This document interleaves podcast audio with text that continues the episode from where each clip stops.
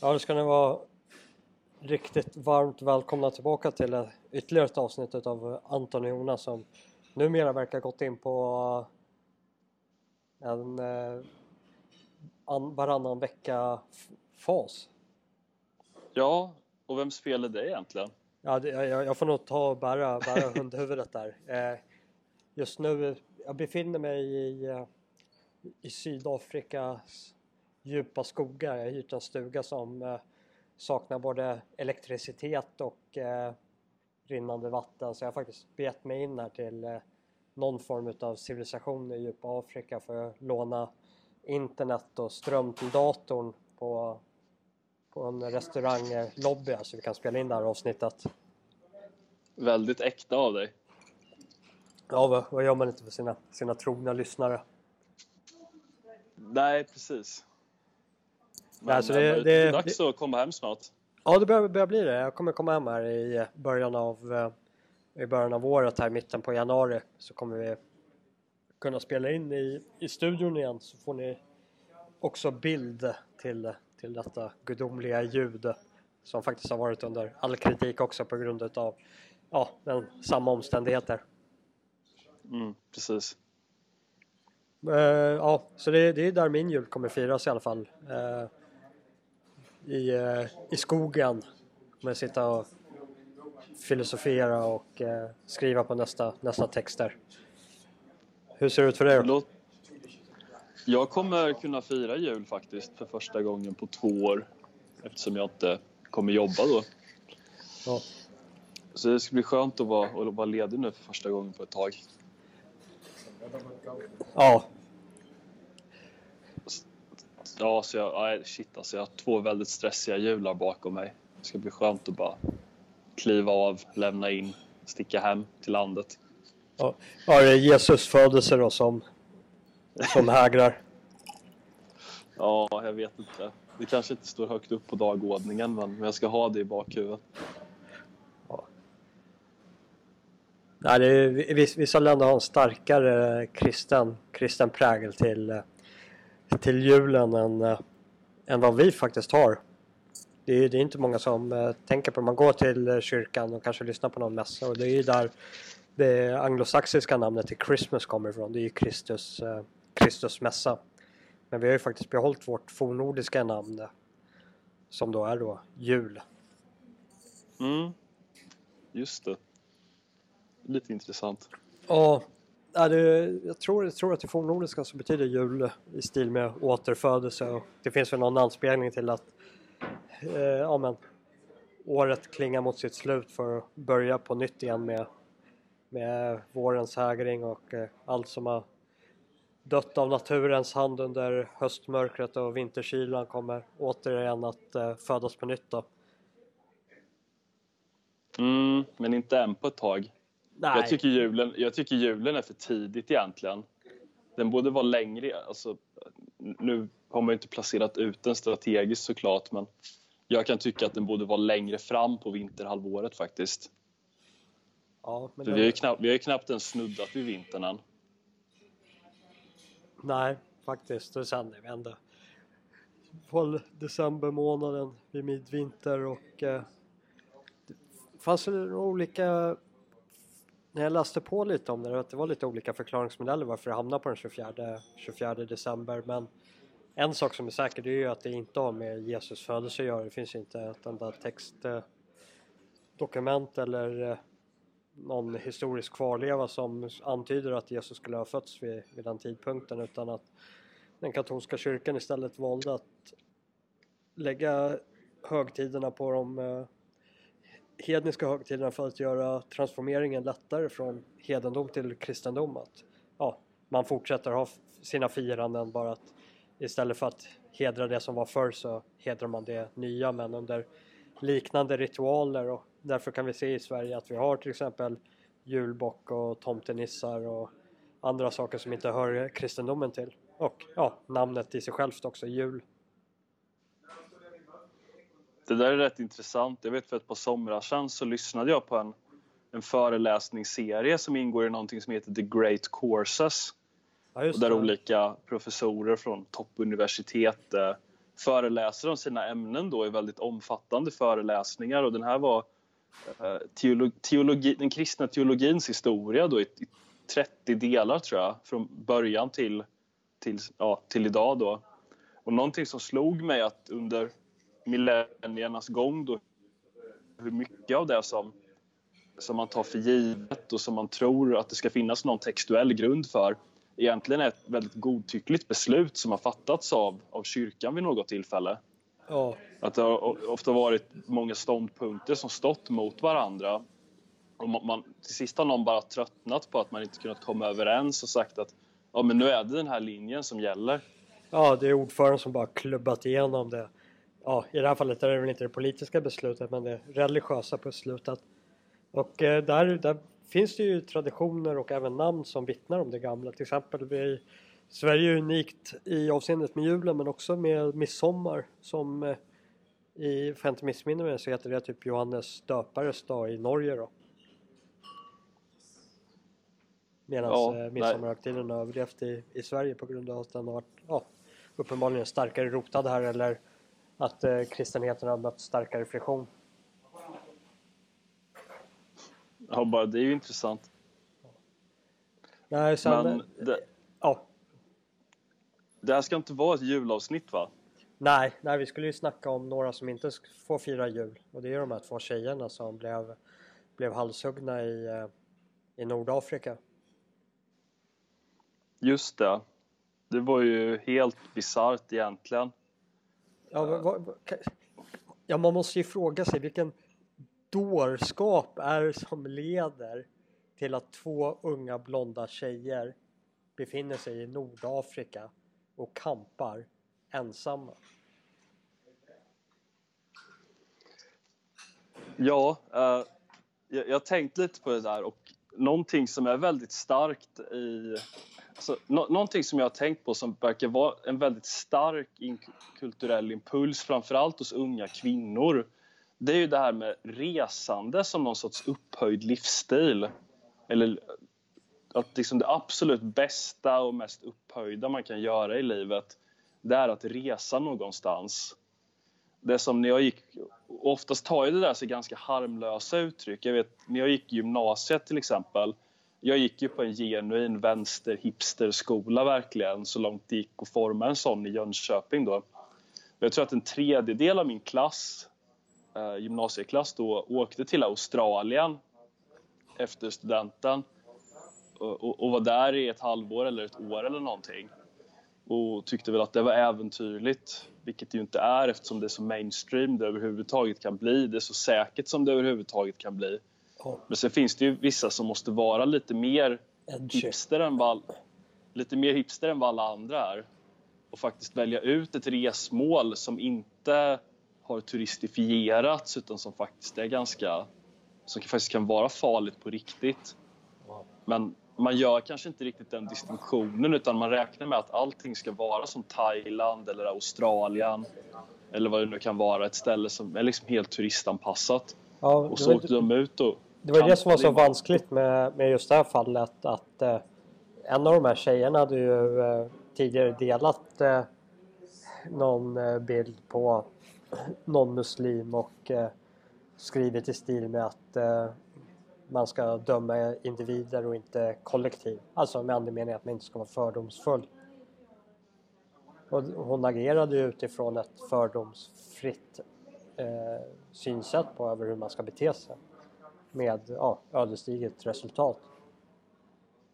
Verkligen. Och eh, att man inte ska vara fördomsfull det är nog ingenting hon har kommit fram till på på egen maskin utan det är ju någonting som har eh, liksom indoktr vi har indoktrinerats till i, eh, i, i våra lärosäten utav en politisk ledning som har som mål över att genomföra, genomdriva en politik som bara är möjlig om man eh, slår bort de här naturliga instinkterna man har. Att, ja men lyssna inte på de där känslorna som uppstår när ni befinner er i en obekväm miljö med nya människor som ni inte litar på utan de är exakt som de ni litar på.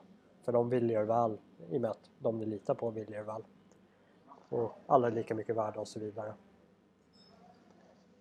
Ja, och det där har ju blivit någon sorts visdom det här att fördomar skulle vara någonting dåligt. Men ja. det, är ju egentligen, det är ju egentligen som att säga att man inte kan lita på induktion, alltså erfarenhetsbaserad kunskap. Ja, för det är erfarenhetsbaserad kunskap som andra har varit med om och som förs vidare.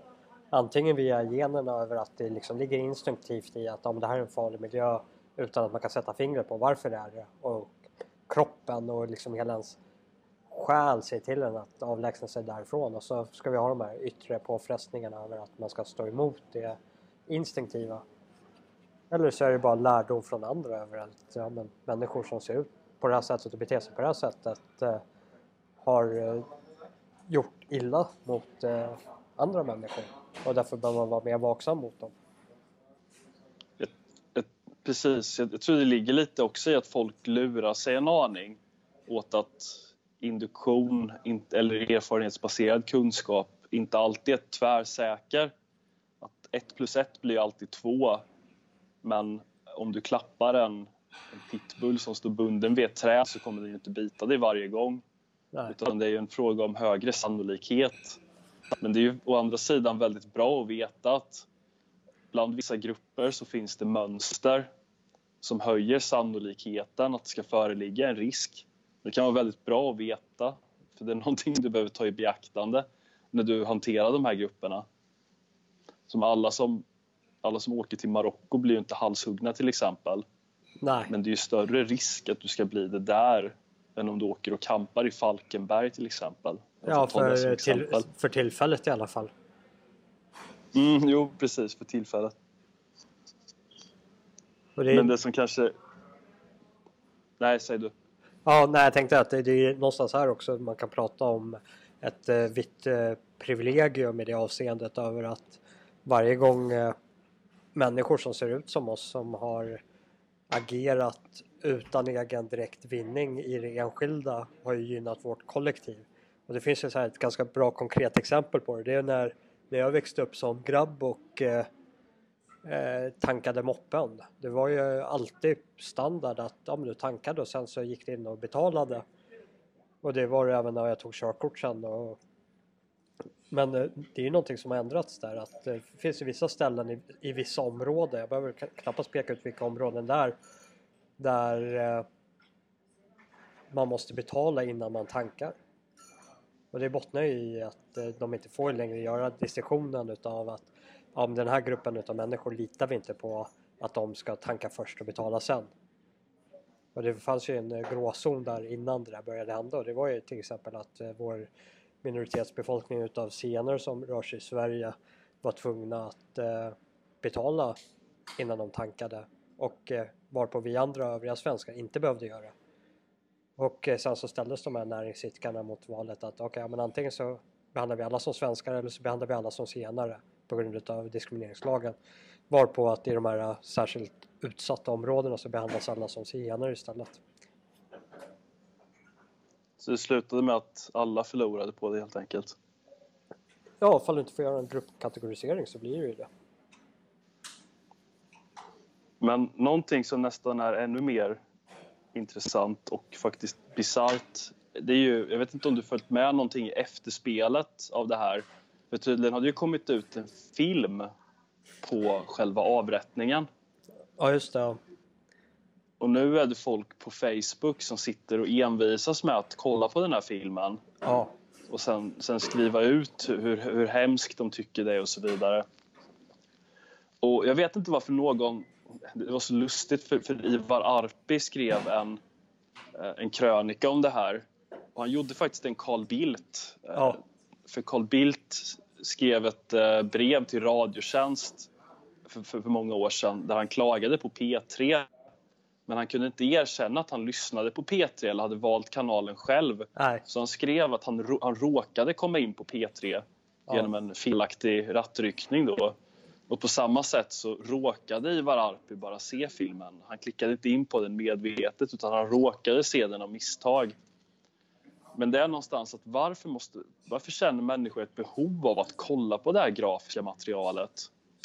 Räcker det? Har man ingen fantasi, föreställningsförmåga? Eller måste man liksom kolla på det här för att se hur en halshuggning ser ut och sen gråta ut på Facebook efteråt över hur, hur, vilken hemsk upplevelse det var.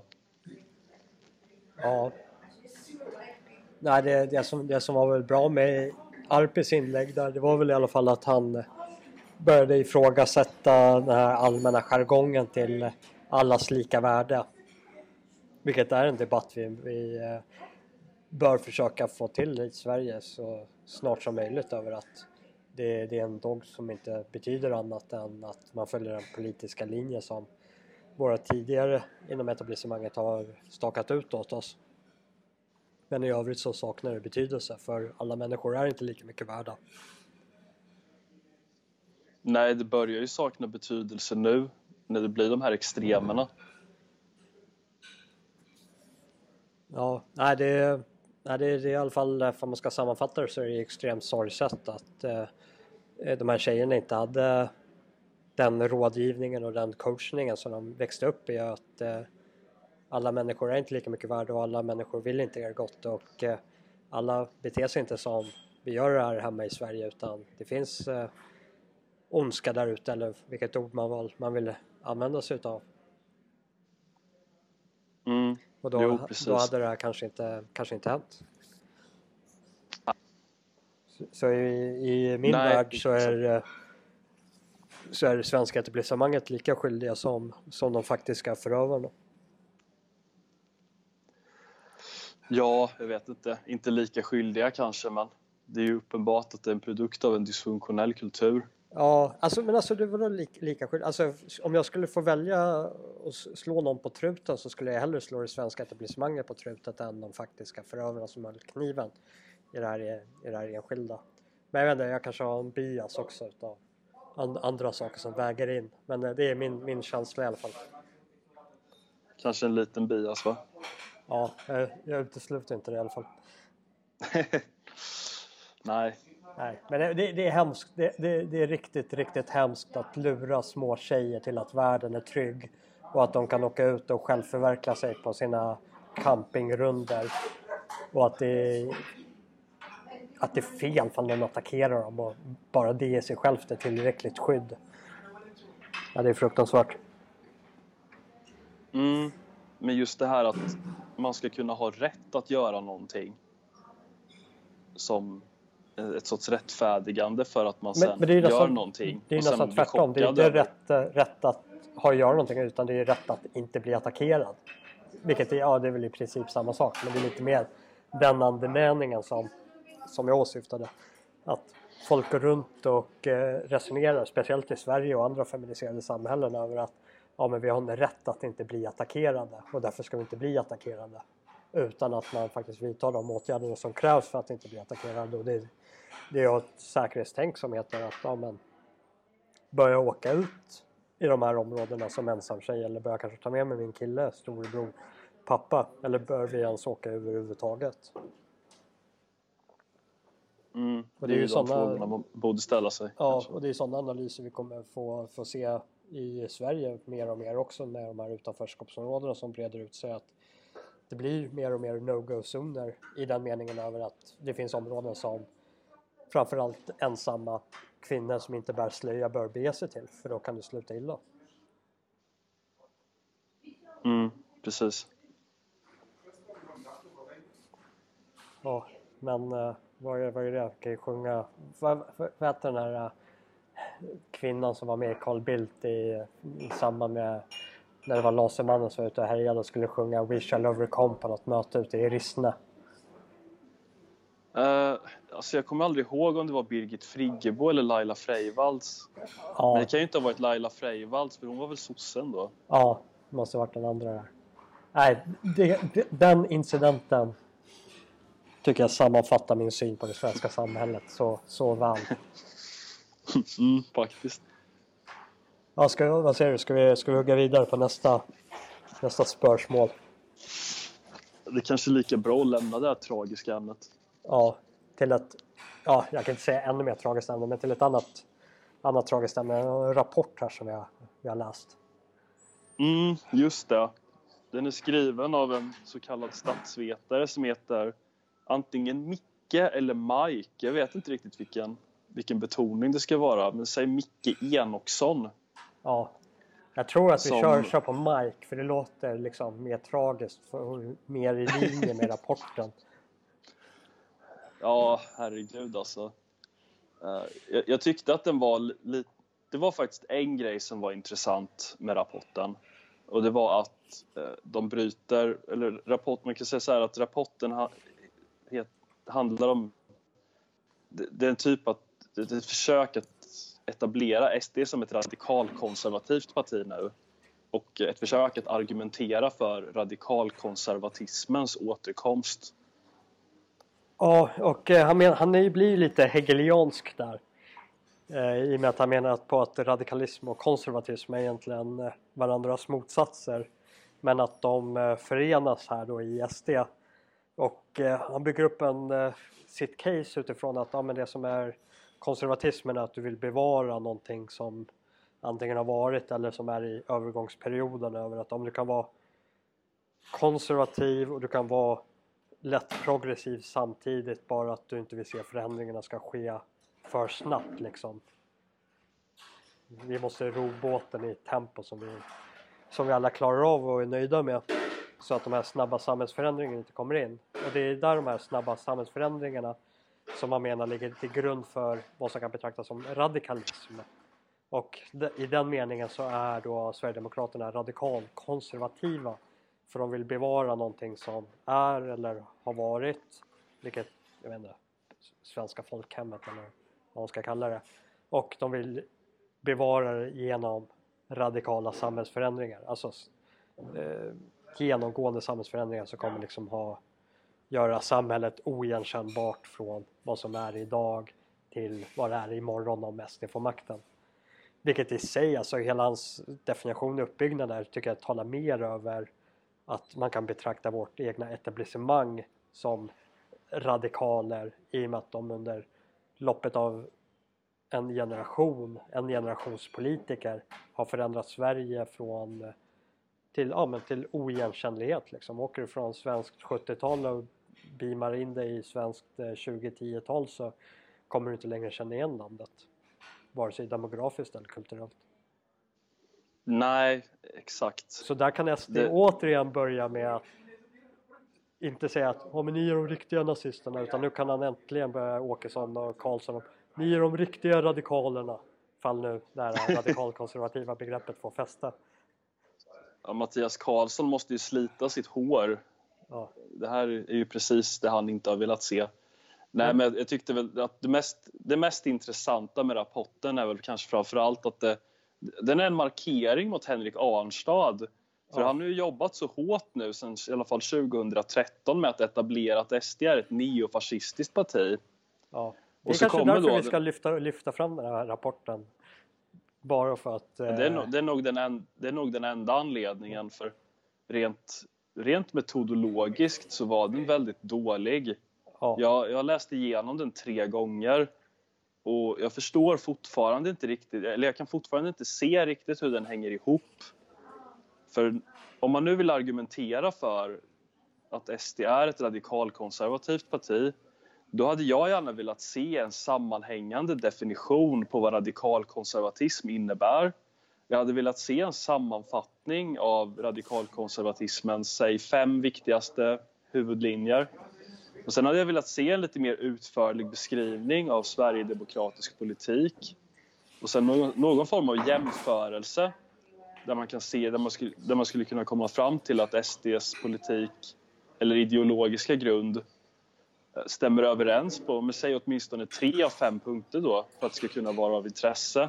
Ja, men jag tror att eh, du men... svarar på din egen fråga över att det hade blivit mycket svårare att liksom driva fram den här eh, namnändringen eller epitetsändringen.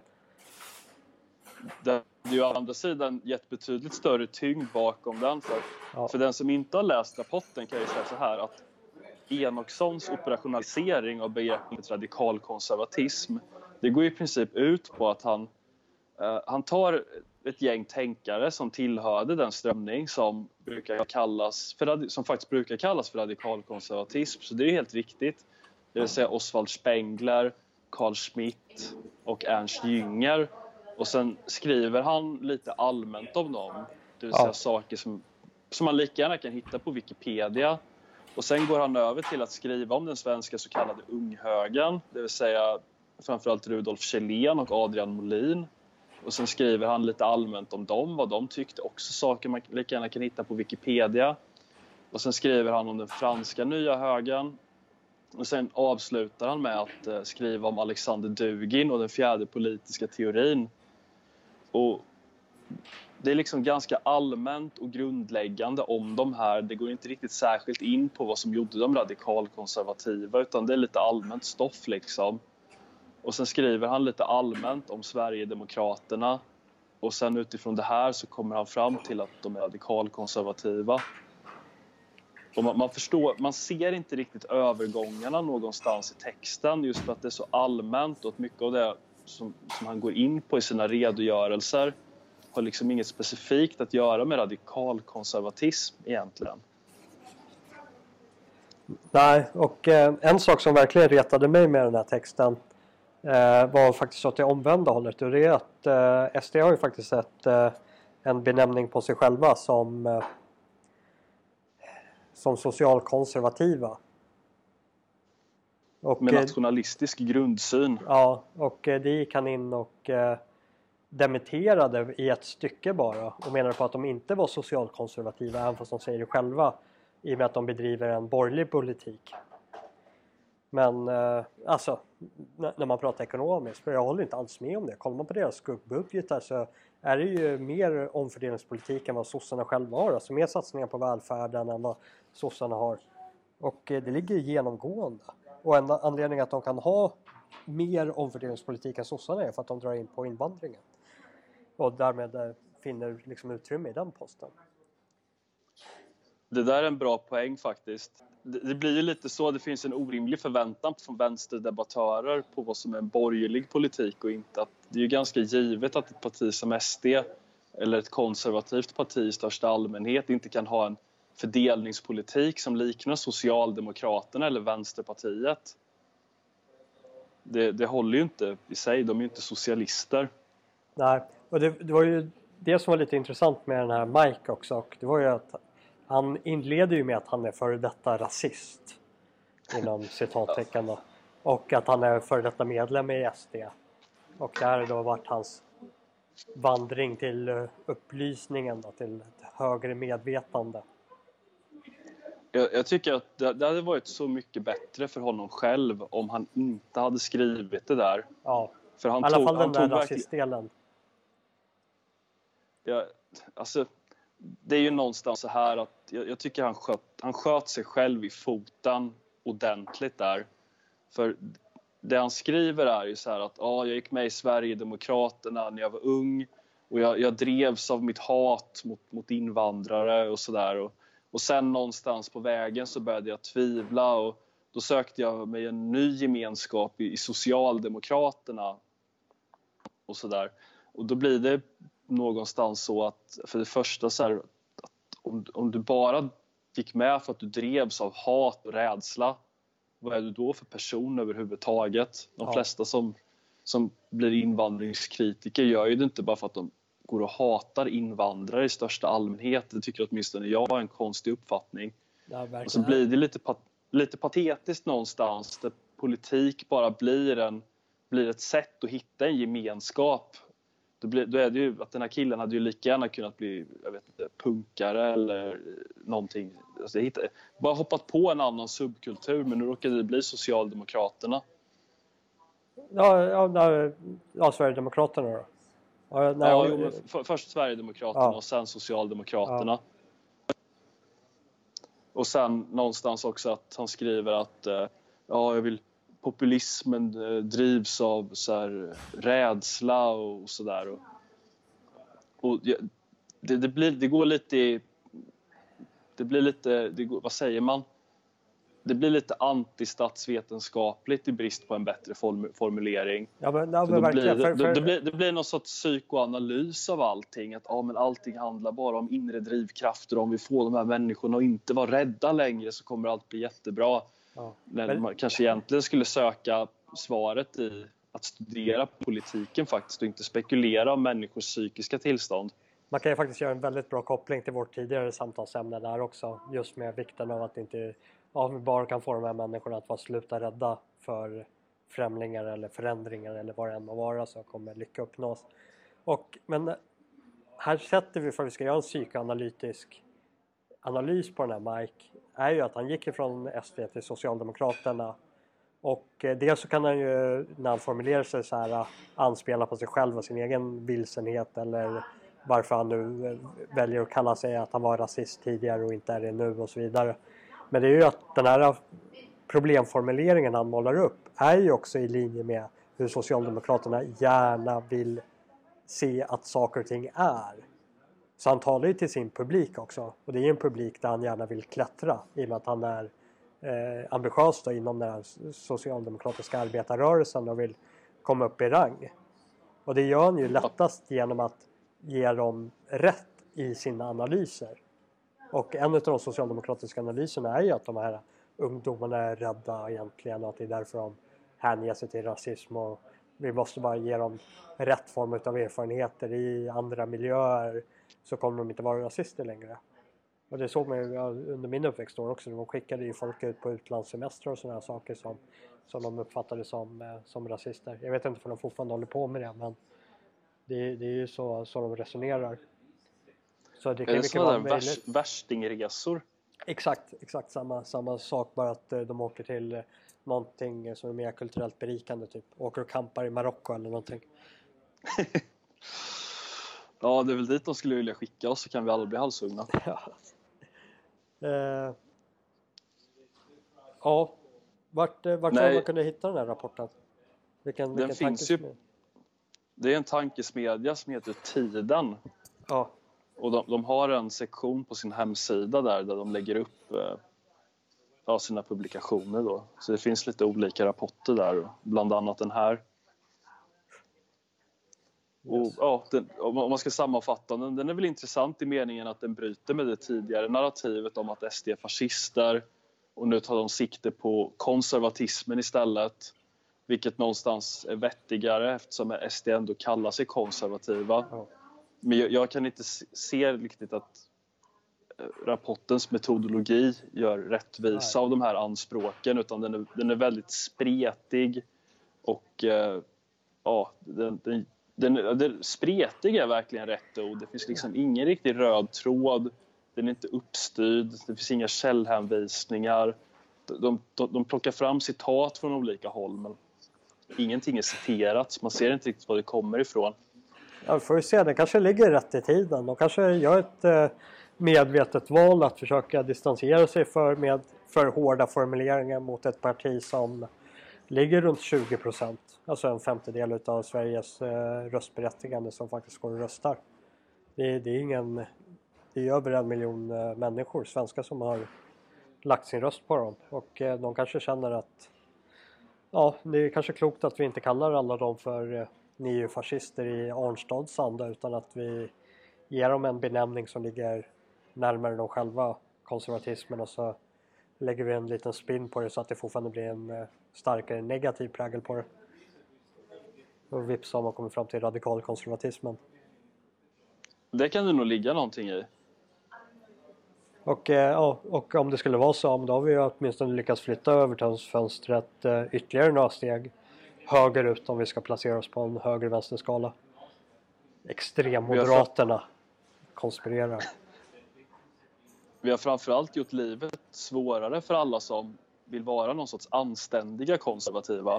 det vill säga som, kan le- som vill leva den här konservativa livsstilen med och Jag vet inte vad som är bäst. Det är nästan anledning nog tycker jag att börja kalla SD för eh, eh konservativa det var ju den ambitionen jag hade 2011 när jag, när jag debuterade som sverigedemokrat i Newsmill ja. med en artikel som hette SD är det nya konservativa partiet eller någonting. Ja. Det handlade ju om att appropriera konservatismen från alla de här ja, de här tradition och fasonmänniskorna som fanns på den tiden. Som, ja. Där konservatismen var en sorts livsstil nästan, eller ett sorts rollspel. Där man ville framstå som någon sorts högerman från tidigt 1900-tal. Och, ja, ja det, det, var verkligen konservatism som rollspel men helt utan politisk relevans. Så det är kul att se att eh, det finns andra krafter som, som hjälper till i att appropriera tillbaka konservatismen och göra den relevant igen. Ja, den här gången i form av en uh, puttfaktor, om vi är dragfaktorn. Precis. Men oh, sista, sista topicet, du, du hade någonting om uh, klimatet, har du öppnat. Passar ju bra. Jag sitter ju och svettas bort här i, i den globala hettan. Jag sitter här med ett extra värmeelement och tänker på hur mycket jag kommer frysa om några timmar. Så det är ju fantastiskt. Nej, jag, jag har tänkt mycket på det här. Det har varit otroligt mycket, uh, mycket snack om, om den här unga tjejen som heter Greta Thunberg. Oh. Och som råkar vara dotter till Malena Ernman och Svante Thunberg, sjukt nog. Shit. Uh, föreställer er min förvåning. Oh. Och uh, det, här, det här med klimatet är jag har tänkt på väldigt länge för det dyker ofta upp olika typer av rubriker med alltså de mest bizarra observationerna. Till exempel att det är väldigt många tonåringar som tydligen lider av något som kallas för klimatångest. Och när man överväger de här klimat och miljödiskussionerna i början lät det någonstans som att det var en fråga om, om vetenskap. Sen så gick det över till en fråga om politik eller ideologi. Och sen en fråga kanske om, om teologi. Och nu känns det nästan som att det är en fråga om psykiatri. Ja. För hur man ska kunna hantera de här människorna. Men någonting som, en observation jag har gjort och det bara kommer upp mer och mer saker som stödjer det här. Det är just kopplingen till att det här är en sorts postkristen väckelserörelse som, som hamnar i linje med lite äldre idéer om att när religion drar sig tillbaka från ett samhälle så vill människor tro på någonting annat. Även om de kallar sig ateister, men om man inte tror på, på Jesus så börjar man tro på Marx och Lenin istället. Ja. Men nu är ju den typen av marxism också väldigt otidsenlig. Så där man har bytt ut, nu har man bytt ut Marx och Lenin mot klimatet med stort K. Och eh, det finns den här historikern Dick Harrison som brukar skriva krönikor i Svenska Dagbladet. Och nu för någon vecka sedan så skrev han en krönika där han jämförde den här Greta Thunberg med Jeanne d'Arc. Det här ja. franska, franska unga tjejen som tyckte sig vara kall, Mm, och det, det är så bisarrt på någon nivå men den, den, verkliga jämförelsen man borde göra det borde ju inte vara mellan Greta Thunberg och Jeanne d'Arc utan det borde ju vara mellan den här klimatrörelsen och flagellanterna. Ja. Man borde kalla det för grön flagellantism. Och det är någonting som är väldigt sjukt och fascinerande med flagellantrörelsen. Att det var en kristen väckelserörelse som fanns framförallt på 1300-talet. Och flagellanterna de trodde att människans skuld den var så, så stor och så djup att det räcker inte med att, att bara vara troende eller att göra det som kyrkan säger åt, säger åt att man ska göra för att uppnå frälsning. Utan det måste till något mer. Och deras, det de kom fram till var att det finns någonting upphöjt i smärtan och lidandet som sådant. Så de brukade gå på långa led utefter varandra och så brukade de piska sig själva Eh, de brukar tillfoga sig själva enorm smärta därför att det fanns någonting upphöjt i smärtan som sådant som, som på något sätt eh, ja, mildrar det kosmiska lidandet över att man tror att man är fördömd av Gud. Och det är ju någonting i det som, som bryter mot andra kristna uppfattningar om vad man ska göra för att vara en god person. Inom katolska kyrkan till exempel så handlar det om att man ska göra goda gärningar om man ska lyssna på vad, vad traditionen säger. Inom protestantismen så är det ju tron på Gud som är vägen till frälsning. Inom vissa former av eh, amerikansk kristendom, kalvinism till exempel, så har man den här predestinationsläran. Det vill säga att det är, det är redan uppgjort på förhand vilka som kommer till himlen och inte. Och det man ska göra är att att bevisa sin utvaldhet genom att uppnå ekonomisk framgång. Vilket ju la grunden för en väldigt för stora ekonomiska framsteg eftersom folk jobbade otroligt hårt för att kunna bevisa det här. Men hos flagellanterna, då låg just upphöjdheten och frälsningen i smärtan och lidandet. Och det är någonting av det som jag ser i den moderna miljörörelsen.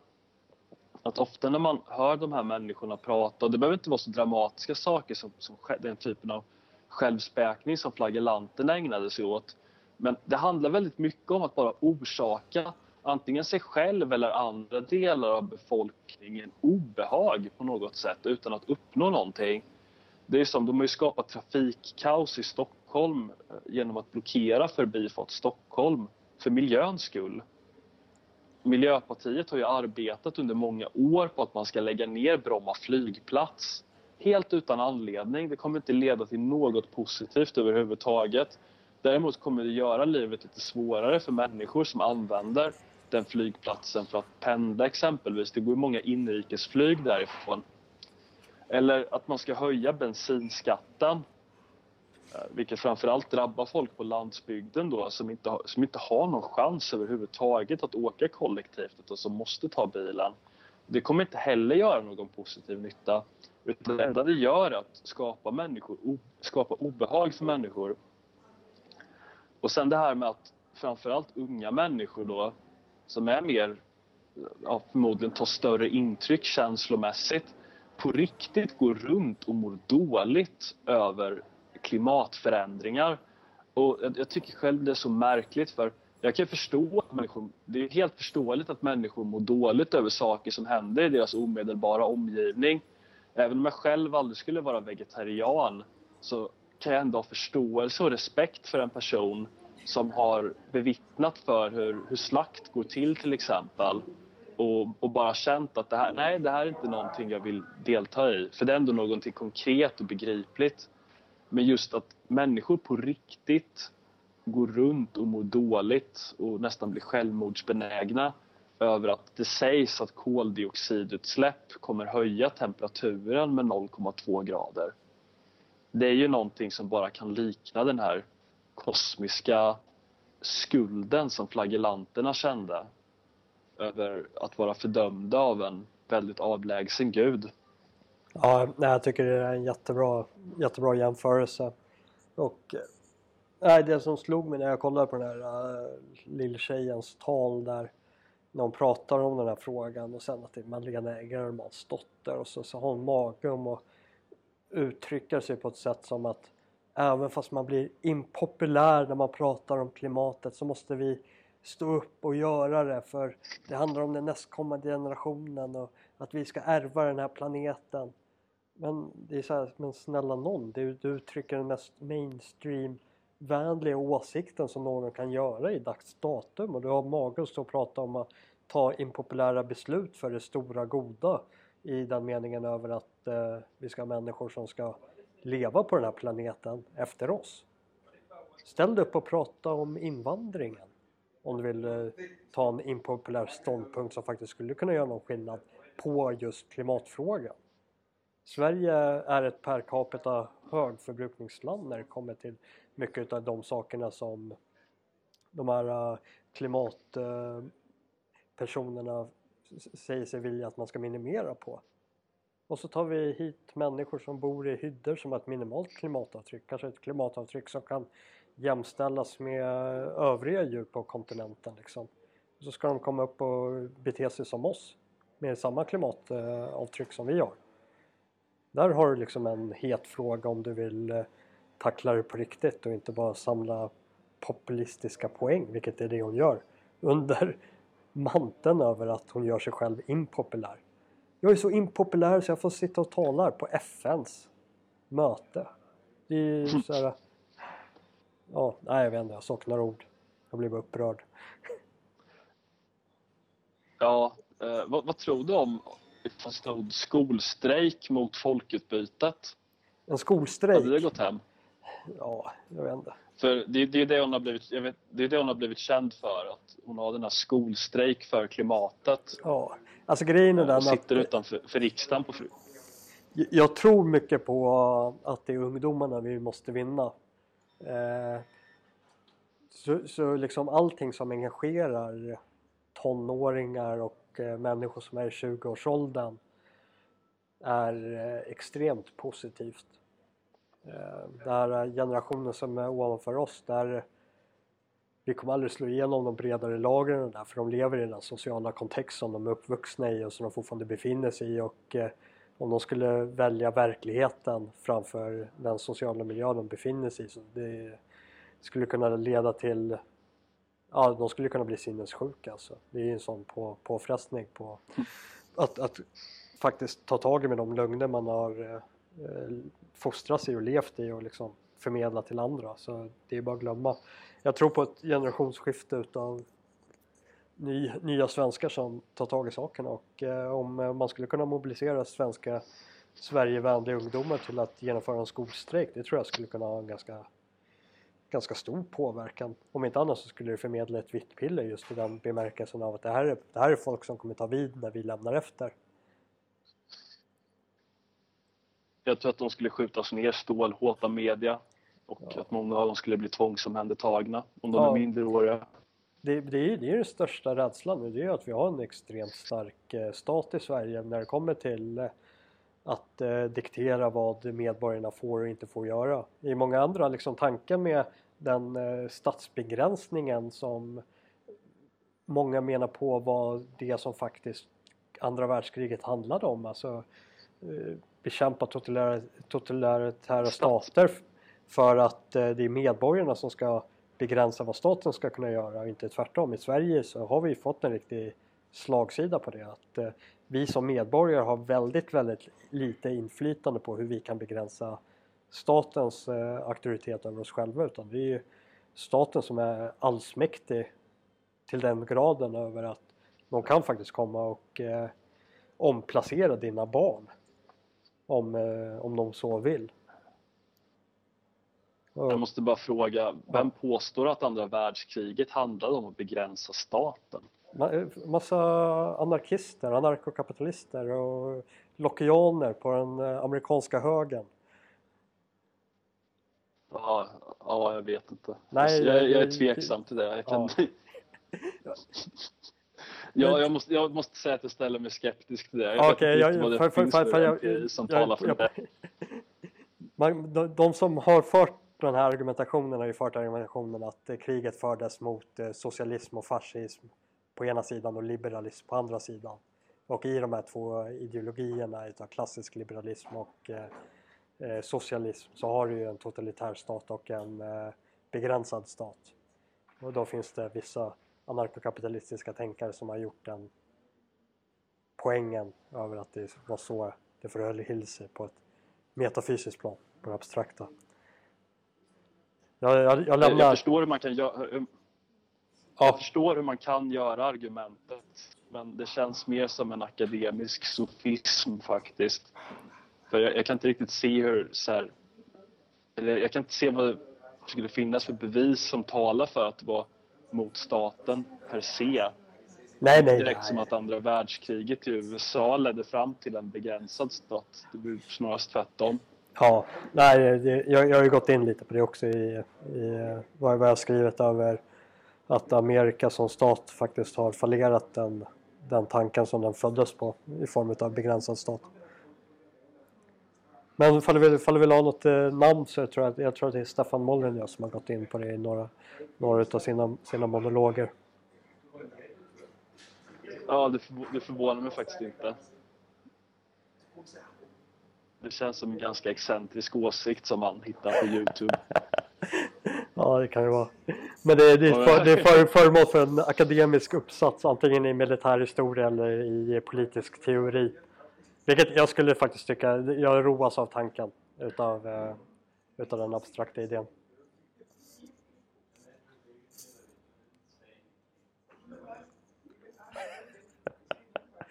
ja, ja vad ska vi, ska vi ta en runda av eller? Ja, det kan vi göra. Jag måste ändå börja bege mig mot jobbet snart. Ja, fan vad härligt. Det är typ, typ samma sak här också. Uh, ska vi se här. En sekund. Om ni har hängt med och lyssnat trots undermålig ljudkvalitet denna gång när jag befinner mig på en restaurang och jag har hört eh, servitörer som har kommit och stört mig och massa porslins och bakgrundsbrus och fortfarande kvar så betyder att ni gillar innehållet. Och eh, är det så att ni gör det och uppskattar det vi gör så är ni välkomna att swisha en julklapp till eh, mig och Anton. Så kan vi fortsätta utveckla det här programmet och förhoppningsvis höja den tekniska nivån ganska kraftigt här efter årsskiftet. Och eh, om ni vill bidra till verksamheten så kan ni göra det på swishnummer 076 58 04 607 076 58 04 607 och eh, märk, märk betalningen med Anton och Jonas. Och sen eh, ja, vid sidan av det så håller vi på att göra en eh, dokumentärfilm redan börjat eh, Det könlösa samhället som ni kan läsa mer om på palestramedia.com God jul! Ja, god jul på er! Gott nytt år! Ja, grymt! Ja, vi hörs nästa vecka. Då är det årskrönika.